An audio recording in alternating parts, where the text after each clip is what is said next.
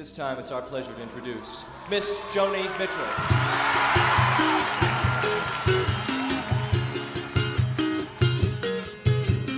I am on a lonely road and I am traveling, traveling, traveling, traveling, looking for something. What can it be? Johnny Mitchell, ingelesezko kantautoretatik emakumezko abeslaririk onena jotzen da. Eta Bob Dylanekin beldurri gabe alderatu daiteke David Crosbyren tamainako musikari baten arabera.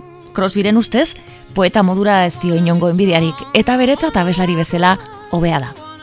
Medalla asko jarri izan dizkiote, baina batez ere, arauak hausteko zuen ausardiagatik Johnny Mitchell inspirazio iturri izan da emakume askorentzat. Hala ere, ikusiko dugunez, berrogeita hamar urteko ibilbidean biurguneak ere izan dira, eta poesia kanta bihurtzeko zuen abileziaz baliatuz maitasuna zidatzi zuen, baina baita bizitzaren alde garratzaz ere. Irantzu karrera naiz eta Johnny Mitchellen historia Kanadako mendebaldean hasten da. I awoke today and found the frost perched on the town. It hovered in a frozen sky, then it gobbled summer down. When the sun turns traitor cold and all the trees are shivering in a naked row.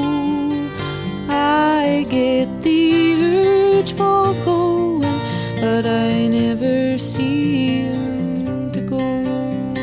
Roberta Joan Anderson, Kanadako Alberta inguruko herri txiki batean jaio zen, mila behatziunda berrogeita iruko azaroak zazpian. Alaba bakarra, bederatzi urte zituela poliomelitizagatik ingresaturik zegoela, erietxean hasi zen kantatzen beste gaixoentzat. Ni beti oso ameslaria izan nintzen. Glamurra beti interesatu zitzaidan, baina margolaria izan nahi nuen denaren gainetik. Hori zen nire ambizioa.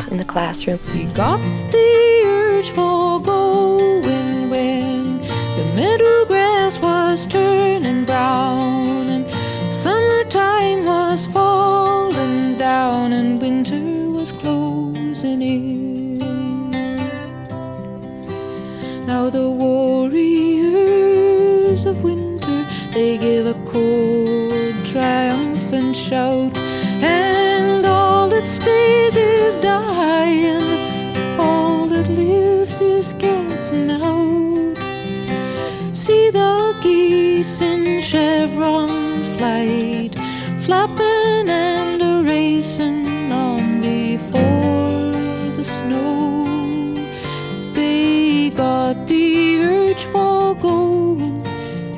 got the wings so they can go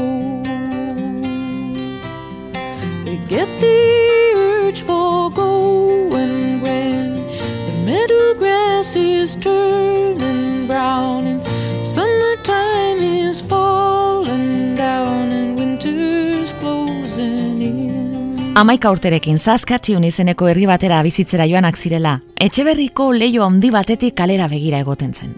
Ideiak hartzen bide batez. Gauza berriak probatzen hasteko gogoz, oso gaztezela rock dantza lehiaketetan parte hartzen hasi zen. Eta gitarra ikasten bere kontura, Pete Seegerren instrukzio liburu bat jarraituz. Baina polioak behatzak minduta utzi zizkion eta ondorioz, afinazio berriak asmatu behar izan zituen, kantei sonoritate berezia emanez.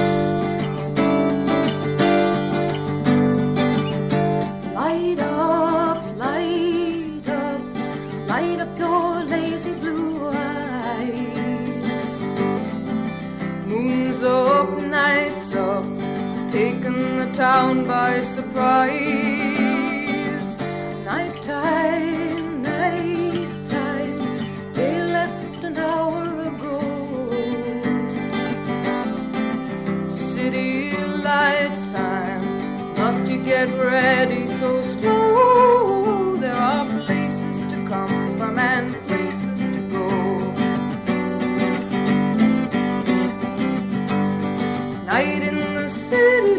pretty to me. Night in the city looks fine. Music comes spilling out into the street. Colors go flashing in time.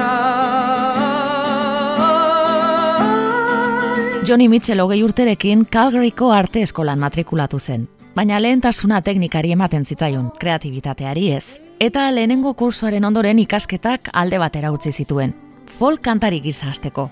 Bizitzan lehen aldiz, Kanadako ekialdetik mende baldera alde zuen, Torontora. Hiru egun da lau gaueko bidaia izaten da, lau mila kilometro. Eta eguna joan da eguna etorri, tren bidai luze horretan idatzi zuen bere lehen kanta. Day after day.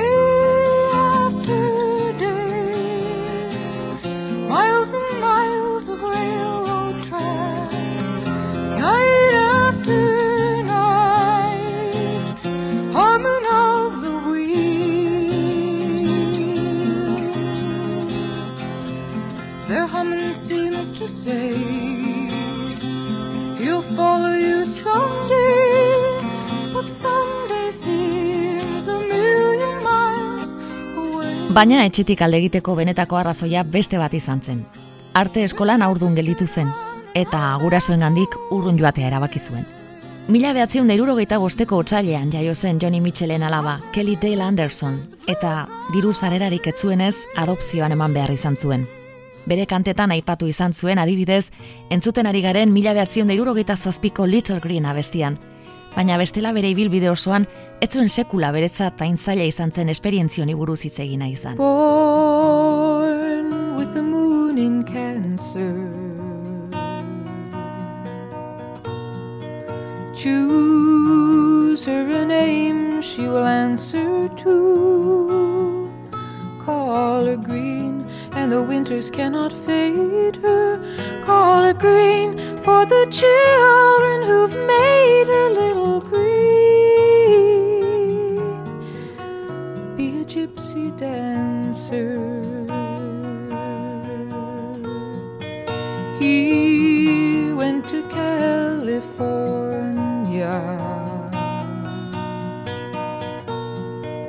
Hearing that everything's warmer there. So you write him a letter and say, her eyes are blue. He sends you a poem, and she's lost to you.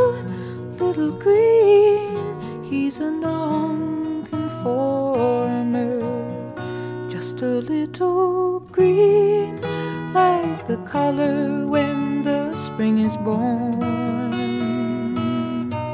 There'll be crocuses to bring to school tomorrow just a little green, like the nights when the northern lights perform. There'll be icicles and birthday clothes, and sometimes there'll be sorrow. Handi gutxira Torontoko klub batean kantali bat ematen ari zela, Michigango folk abeslari bat ezagutu zuen, Chuck Mitchell, Johnny Taz bere ala maite minduzena, eta ezkondu egin ziren komenientziazko ezkontza izan zen. Jonik zituen arazo ekonomikoak saiestearen aukeratu zuen irtenbidea eta senarraren abizena erabiltzen hasi zen. Young lady's been writing songs, well, since she came from Saskatoon a few years ago. Here's Joni Mitchell and her own song, Just Like Me.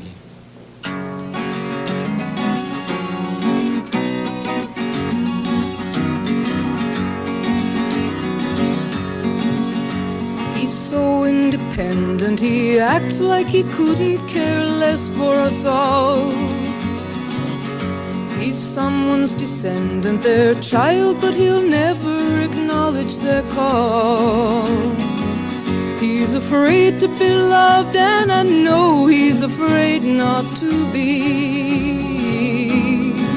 And he'll laugh and he'll cry, and someday he'll die just like me. just like me, settling a score with a world that wants a reason every time you turn around.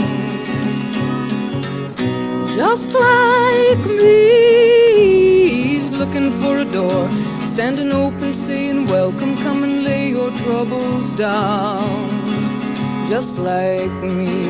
Detroiten kontzertuak ematen zituzten bikote modura, baina Johnny Mitchell etzegoen konforme, bat oso abots kontraiarriak zituztelako, eta bi, txakek bien artean irabazitako diruen kontrola eraman aizuelako. Jonik ez zintzuen horrela segi, eta gauzak onela kantak idazten hasi zen, bere barruko munduari irteera emanez. and ice cream castles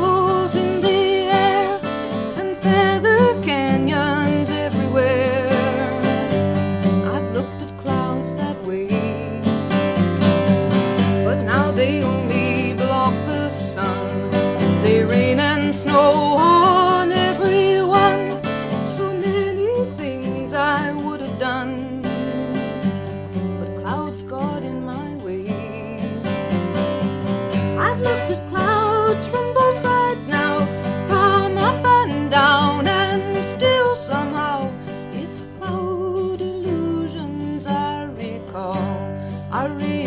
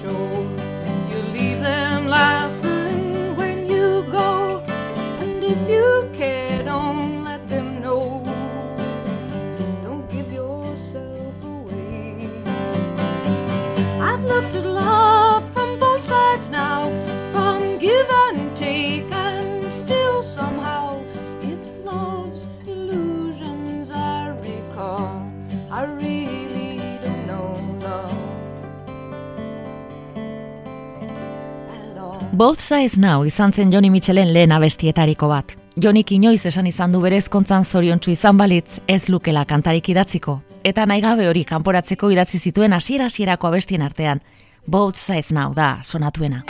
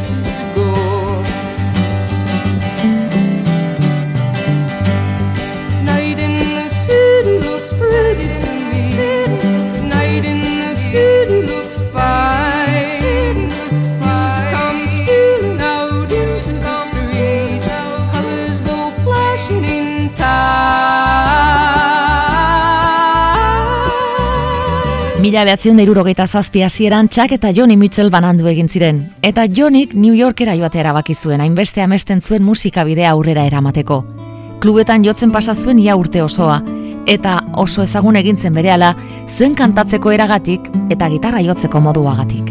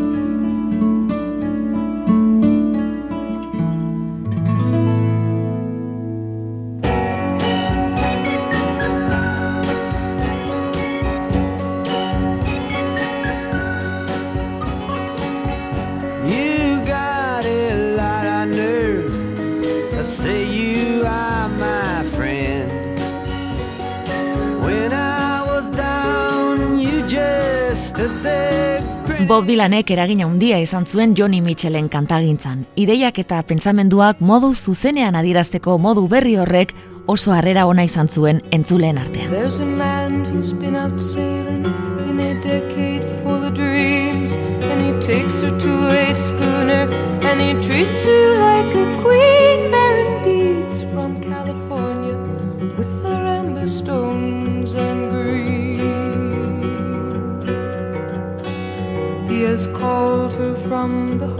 harbor. He has kissed her with his freedom. He has heard her off to starboard in the breaking and the breathing of the water weeds while she was busy being free. There's a man who's climbed a mountain and he's calling out her name. He hopes her heart can hear 3,000 miles he calls again. He can think her there beside him, he can miss her just the same. He has missed her in the forest while he showed her all the flowers and the branches sang the chorus as he climbed the scaly towers of a forest tree while she was somewhere being free. Dylanen eraginez, Johnny Mitchellek bere gauzeta hitz egiten du. Lehenengo personara eramaten ditu guztionak diren kezka eta arazoak. Nik hau sentitzen dut zure ganako edo zuregatik esaten duenean. Gutako edo zeinek identifikatzea lortzen du eta hor dago bere abestien gakoa. Johnny Mitchellek bestalde zerbait berria erantzi zion kantagintzari. Dilanek paragrafoka idazten duen bitartean, geldiunekin, hitzeginez abesteko. Johnnyren narrazioa jarraia da, mugimendua ez da gelditzen eta melodiak aurrera egiten du etenik gabe. And she only means to please them And her heart is full and hollow like a cactus tree while she's so busy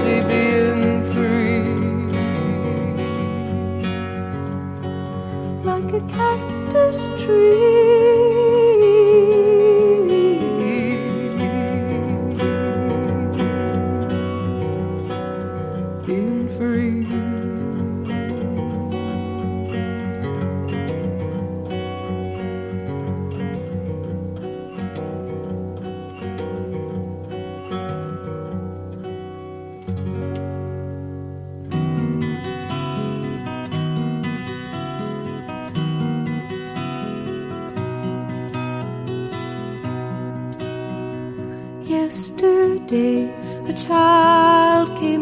to one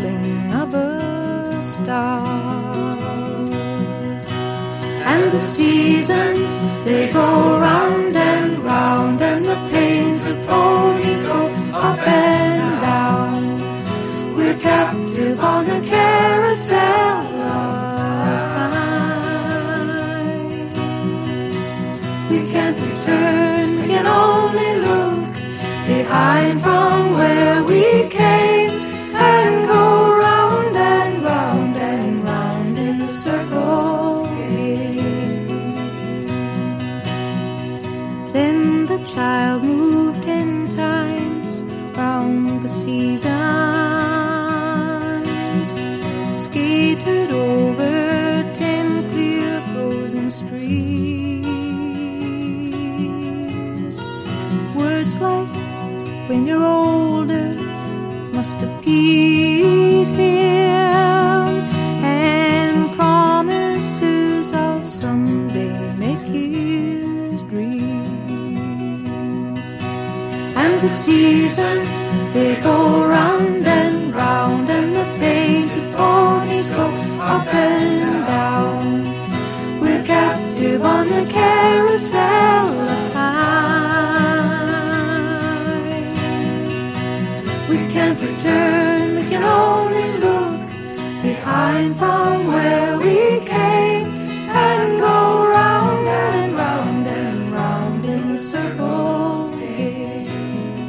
Rush folk kantariak Johnny Mitchell Toronton ezagutu zuen eta txundituta utzi zuen konposatzeko zuen abileziak. Handi gutxira sei kantez osaturiko grabazio bat jaso zuen Johnnyren kandik. Seigarren kanta bukatu gabe zegoela esaten zion, bere iritziz, nahiko txarra zela, eta etzekiela zergatik bidaltzen zion gaineratzen zuen. Baina gutxien espero zuen agertatu zen, ze Tommy inoiz entzun zuen abestirik ederrenetakoa iruditu zitzaion. The Circle Game zen kanta hori, eta Tom Rushen urrengo lanari izen emango zion abestia izango zen. Yesterday, a child came out to wonder.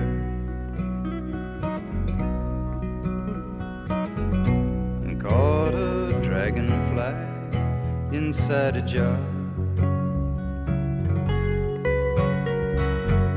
And fearful when the skies were full of thunder. And tearful at the falling of a star.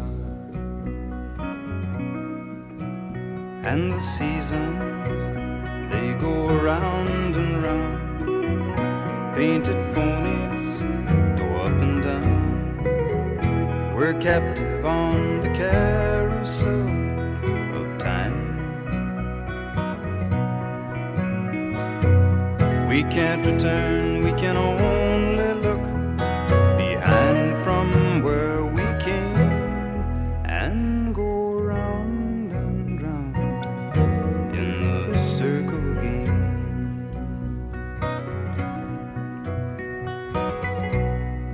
Then the child moved ten times round the seasons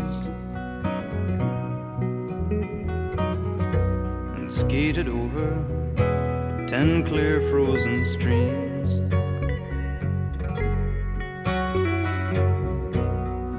Words like, when you're older, you must appease him. And promises of someday Gainerako abeslarien artean Johnny Mitchellen kanten mitoa zabaltzen hasi zen. Denek nahi zuten abesti hauetakoren bat grabatu. Eta George Hamiltonen, Buffy St. Maryren eta batez ere Judy Collinsen berzioek arrakasta izan zuten.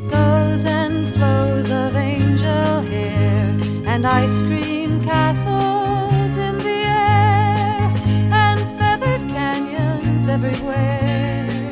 I've looked at clouds that way, but now they only block the sun. They rain and snow on everyone.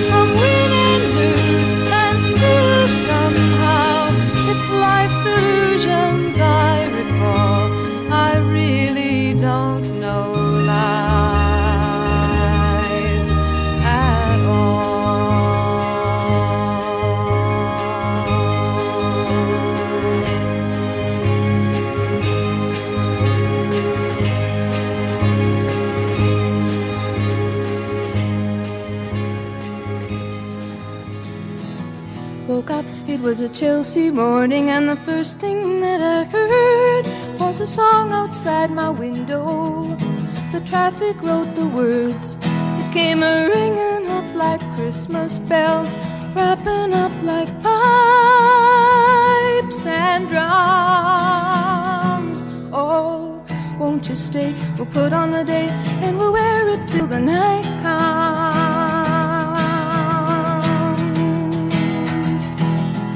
Woke up, it was a Chelsea morning, and the first thing that I saw was the sun through yellow curtains and a rainbow on my wall. The red, green, and gold to welcome you, crimson crystal beads to beckon. Oh, won't you stay? We'll put on the day. There's a sun show every second.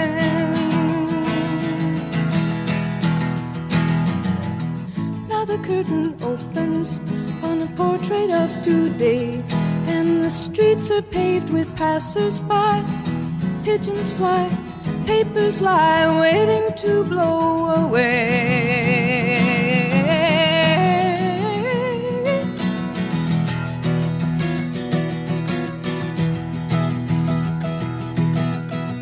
Woke up, it was a Chelsea morning, and the first thing that I knew, there was milk and toast and honey, and a bowl of oranges too. And the sun poured in like butterscotch, stuck to all my senses. Oh, won't you stay? We'll put on the day, and we'll talk in present tenses. When the curtain closes and the rainbow runs away, I will bring you incense owls night, by candlelight, by jewel light, if only you will stay. Oh, pretty baby, won't you wake up? It's a Chelsea morning.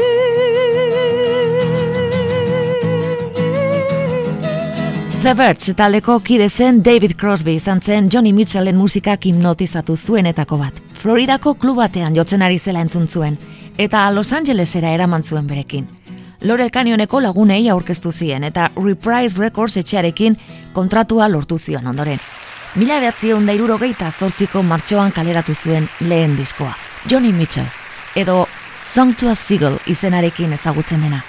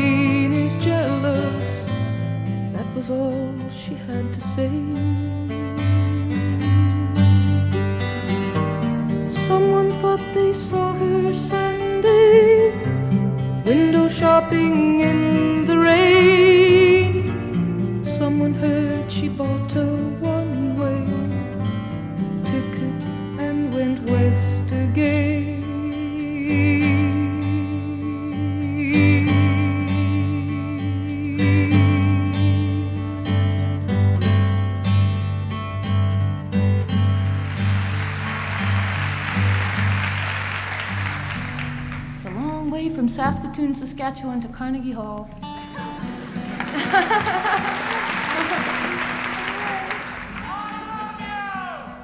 Mila behatziun irurogeita bederatziko martxoaren amabian Johnny Mitchell gailurrera iritsi zela esan genezake. New Yorkeko Carnegie Hall aretoan lehen kontzertua eman zuen, 2000 lagun baino gehiagoko entzulego baten aurrean. Gurasoa Kanadatik ekarri zituen Carnegie Hallen jotzea oso urratsa handia baitzen.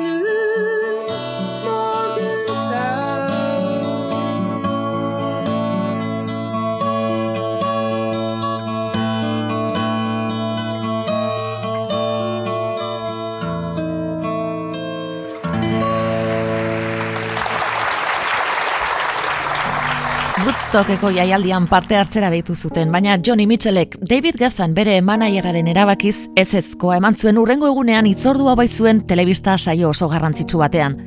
Johnny Mitchellen mutilaguna zen Graham Nashek bai, jaialdian jo behartzuen Crosby, Still, Nash eta Johnekin, eta emanaldia telebistaz jarraitzen ari zela Johnny Mitchellek Woodstock idatzi zuen, garaiko himnorik sonatuenetakoa izango zena. I came upon a child walking alone.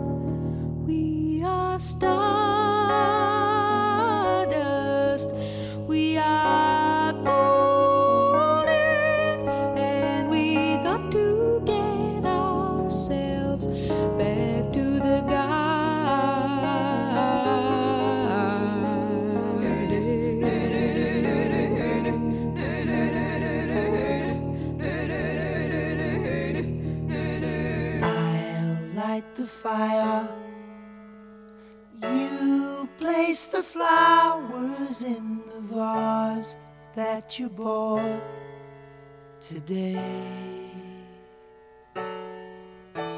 Staring at the fire for hours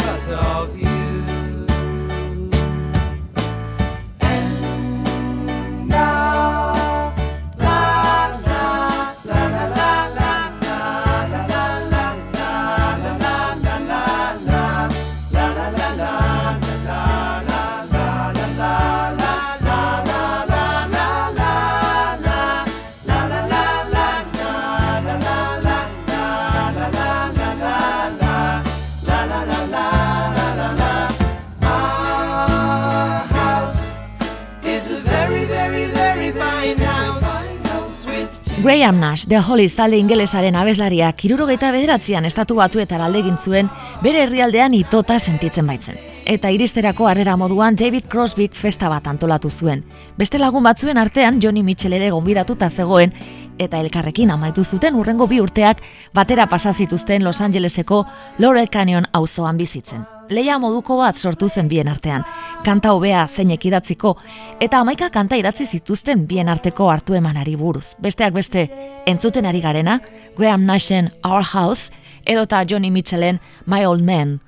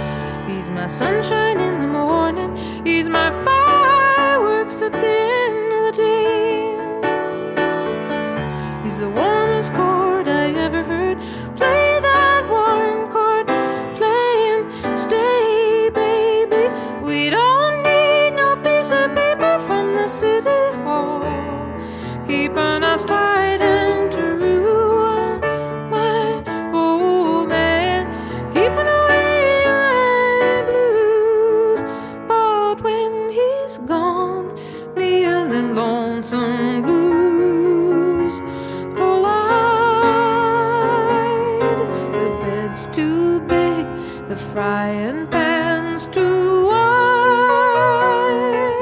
Graham Nashek ezkondu egin nahi zuen eta naiz eta Johnny hasieran bai ezko eman, bi aldiz pentsatu eta atzera egin zuen. Bere askatasuna lehenetsi zuen eta aurrerago esango zuenez, bihotza puskatu zitzaion arren agur esan zion. Bere erara, Greziatik bidali zion telegrama baten bidez.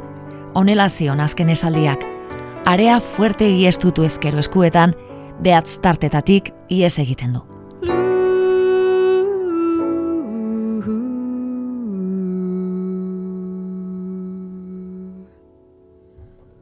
Songs are like tattoos, you know I've been to see before. Crown and anchor me, or let me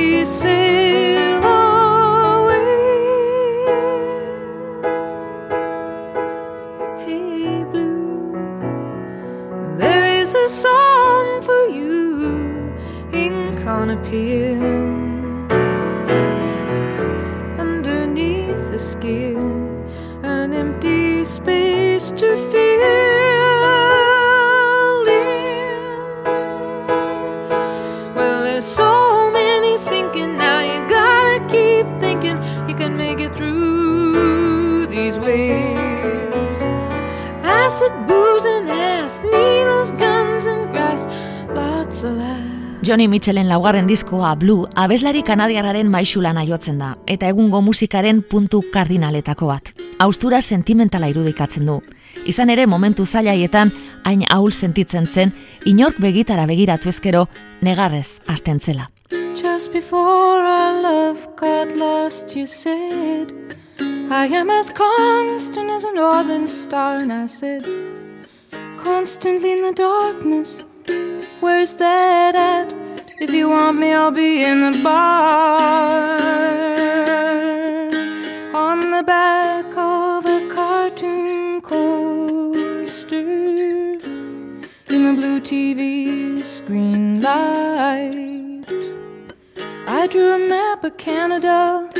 Oh, Canada.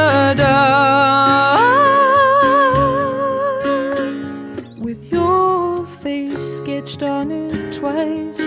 Oh, you're in my blood like holy wine. It tastes so bitter and so sweet. Oh, I could drink a case of you, darling, and I would still be on my feet. Oh, I would still be on my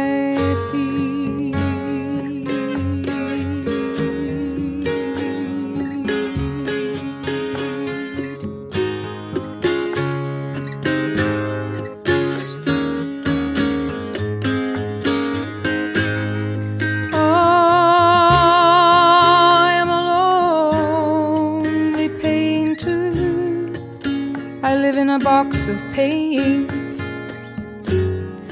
I'm frightened by the devil, and I'm drawn to those ones that ain't afraid.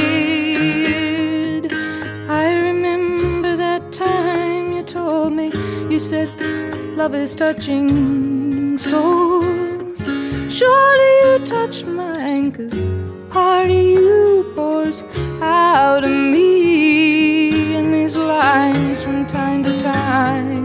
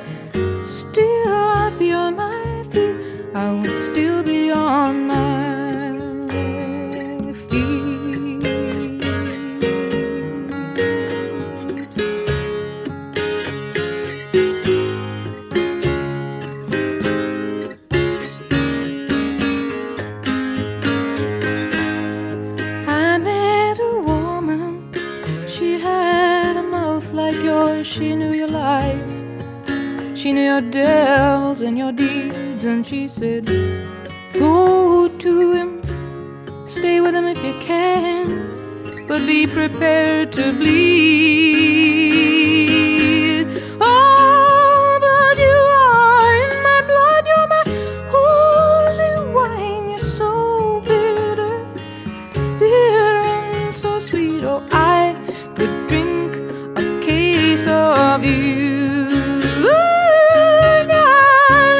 A Case of You da Blue diskoko arribitxietako bat. Gerora izan dituen amaika berzioetan urrengo belaunaldiak ere maite mindu dituena. Nola aztu Princeen, Diana Krall edota James Blakeen moldaketak. Eta Johnny Mitchellen idazlan eraitzuliz, gogoratzeko da baita ere, Chris Christophersonek kanta hau lehen aldiz zentzun esan ziona. Hau da, nola usartzen zen hain gauza personalak idazten. A Case of You, Graham Nashekin gertatutakoa kontatzen baitu.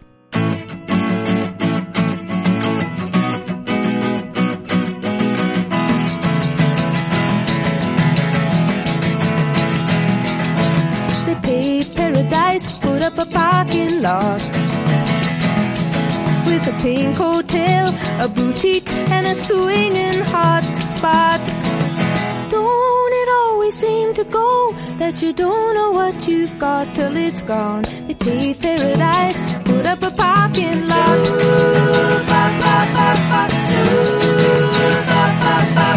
They took all the trees, put them in a tree museum charge the people a dollar and a half just to see them. Don't it always seem to go that you don't know what you've got till it's gone? They paved paradise, put up a parking lot.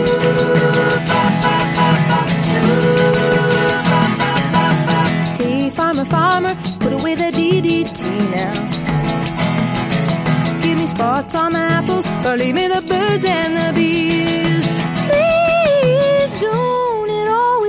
Go that you don't know what you've got till it's gone. They pave paradise, put up a parking lot.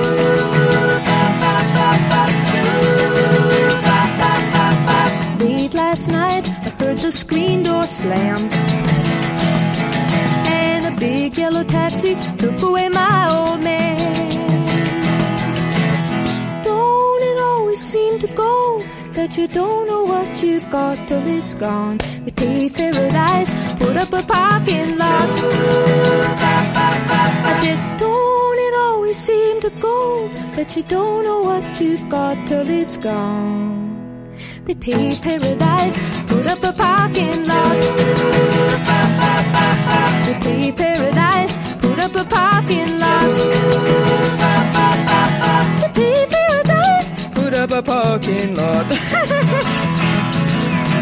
Johnny Mitchell hippie mugimenduaren musa bihurtu zen eta han eta hemen deitzen zuten batez ere festival handietara. Baina fama kontuak ez zituen ondo eramaten eta oso urduri jartzen zen jende askoren aurrean kantatu behartzuen bakoitzean. Azkenean mila behatziun deiruro gita marrean, Aelo Whiteko festivalean ikusentzulekin enfrentatu egin zen. Ez turista moduan portatzeko oiu egin zien. people who get up here and sing. I know it's fun, you a lot of fun. It's fun for me. I, I get my feelings off through my music. But listen, I think that you're acting like tourists, man. Give us some respect.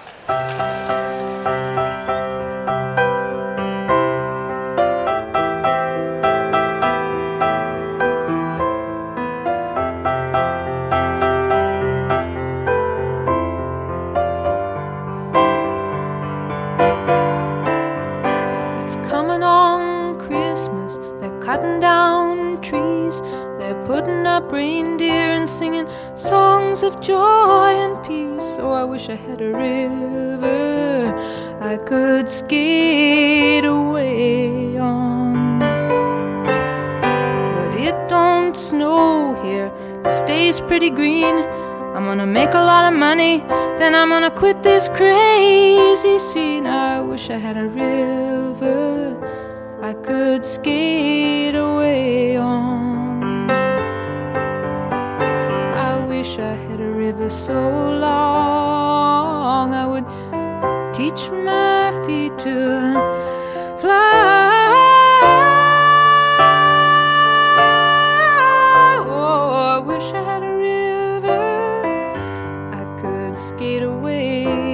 Johnny Mitchell, Kanadara itzuli zen lasaitasun bila, eta babesleku ezkutu eta argi indarri gabeko batean eman zuen ja urte bete. Etzegoen depresioak jota, konbersio xamaniko baten moduan hartu zuen, berriz ere indarrak hartzeko behartzuen atxeden gisa.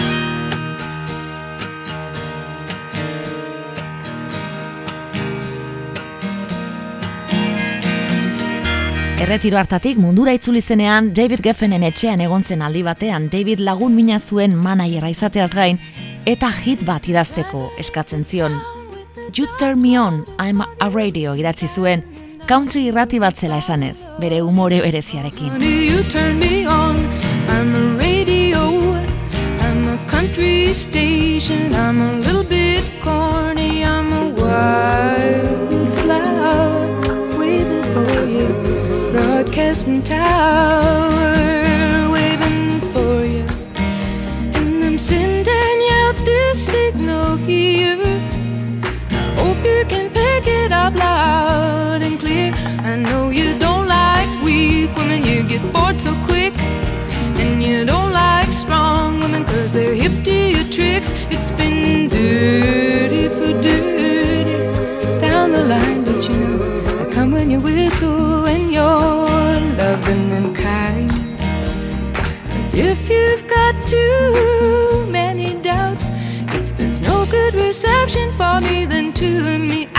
Cause honey, who needs the static? It hurts the head, and you wind up cracking, and the day goes dismal from breakfast party to the sign of prayer.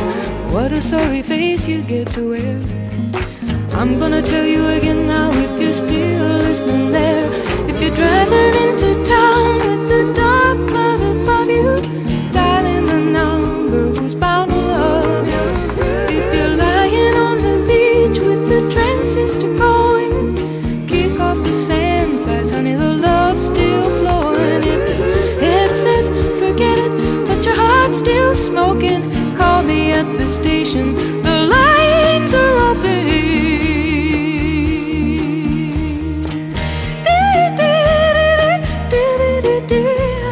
Azkenean irurogeita amalauan, Help Merekin lortu zuen gailurera iristea, David Geffenen pozerako eta iaia Johnny Mitchell beraren gogoz kontra. Bere kantarik sonatuena izango zen, eta Billboard zerrendan zazpigarren postu egin zuen hitonekin, jasaren mundura inguratzen zuen bide berria erakutsi zuen.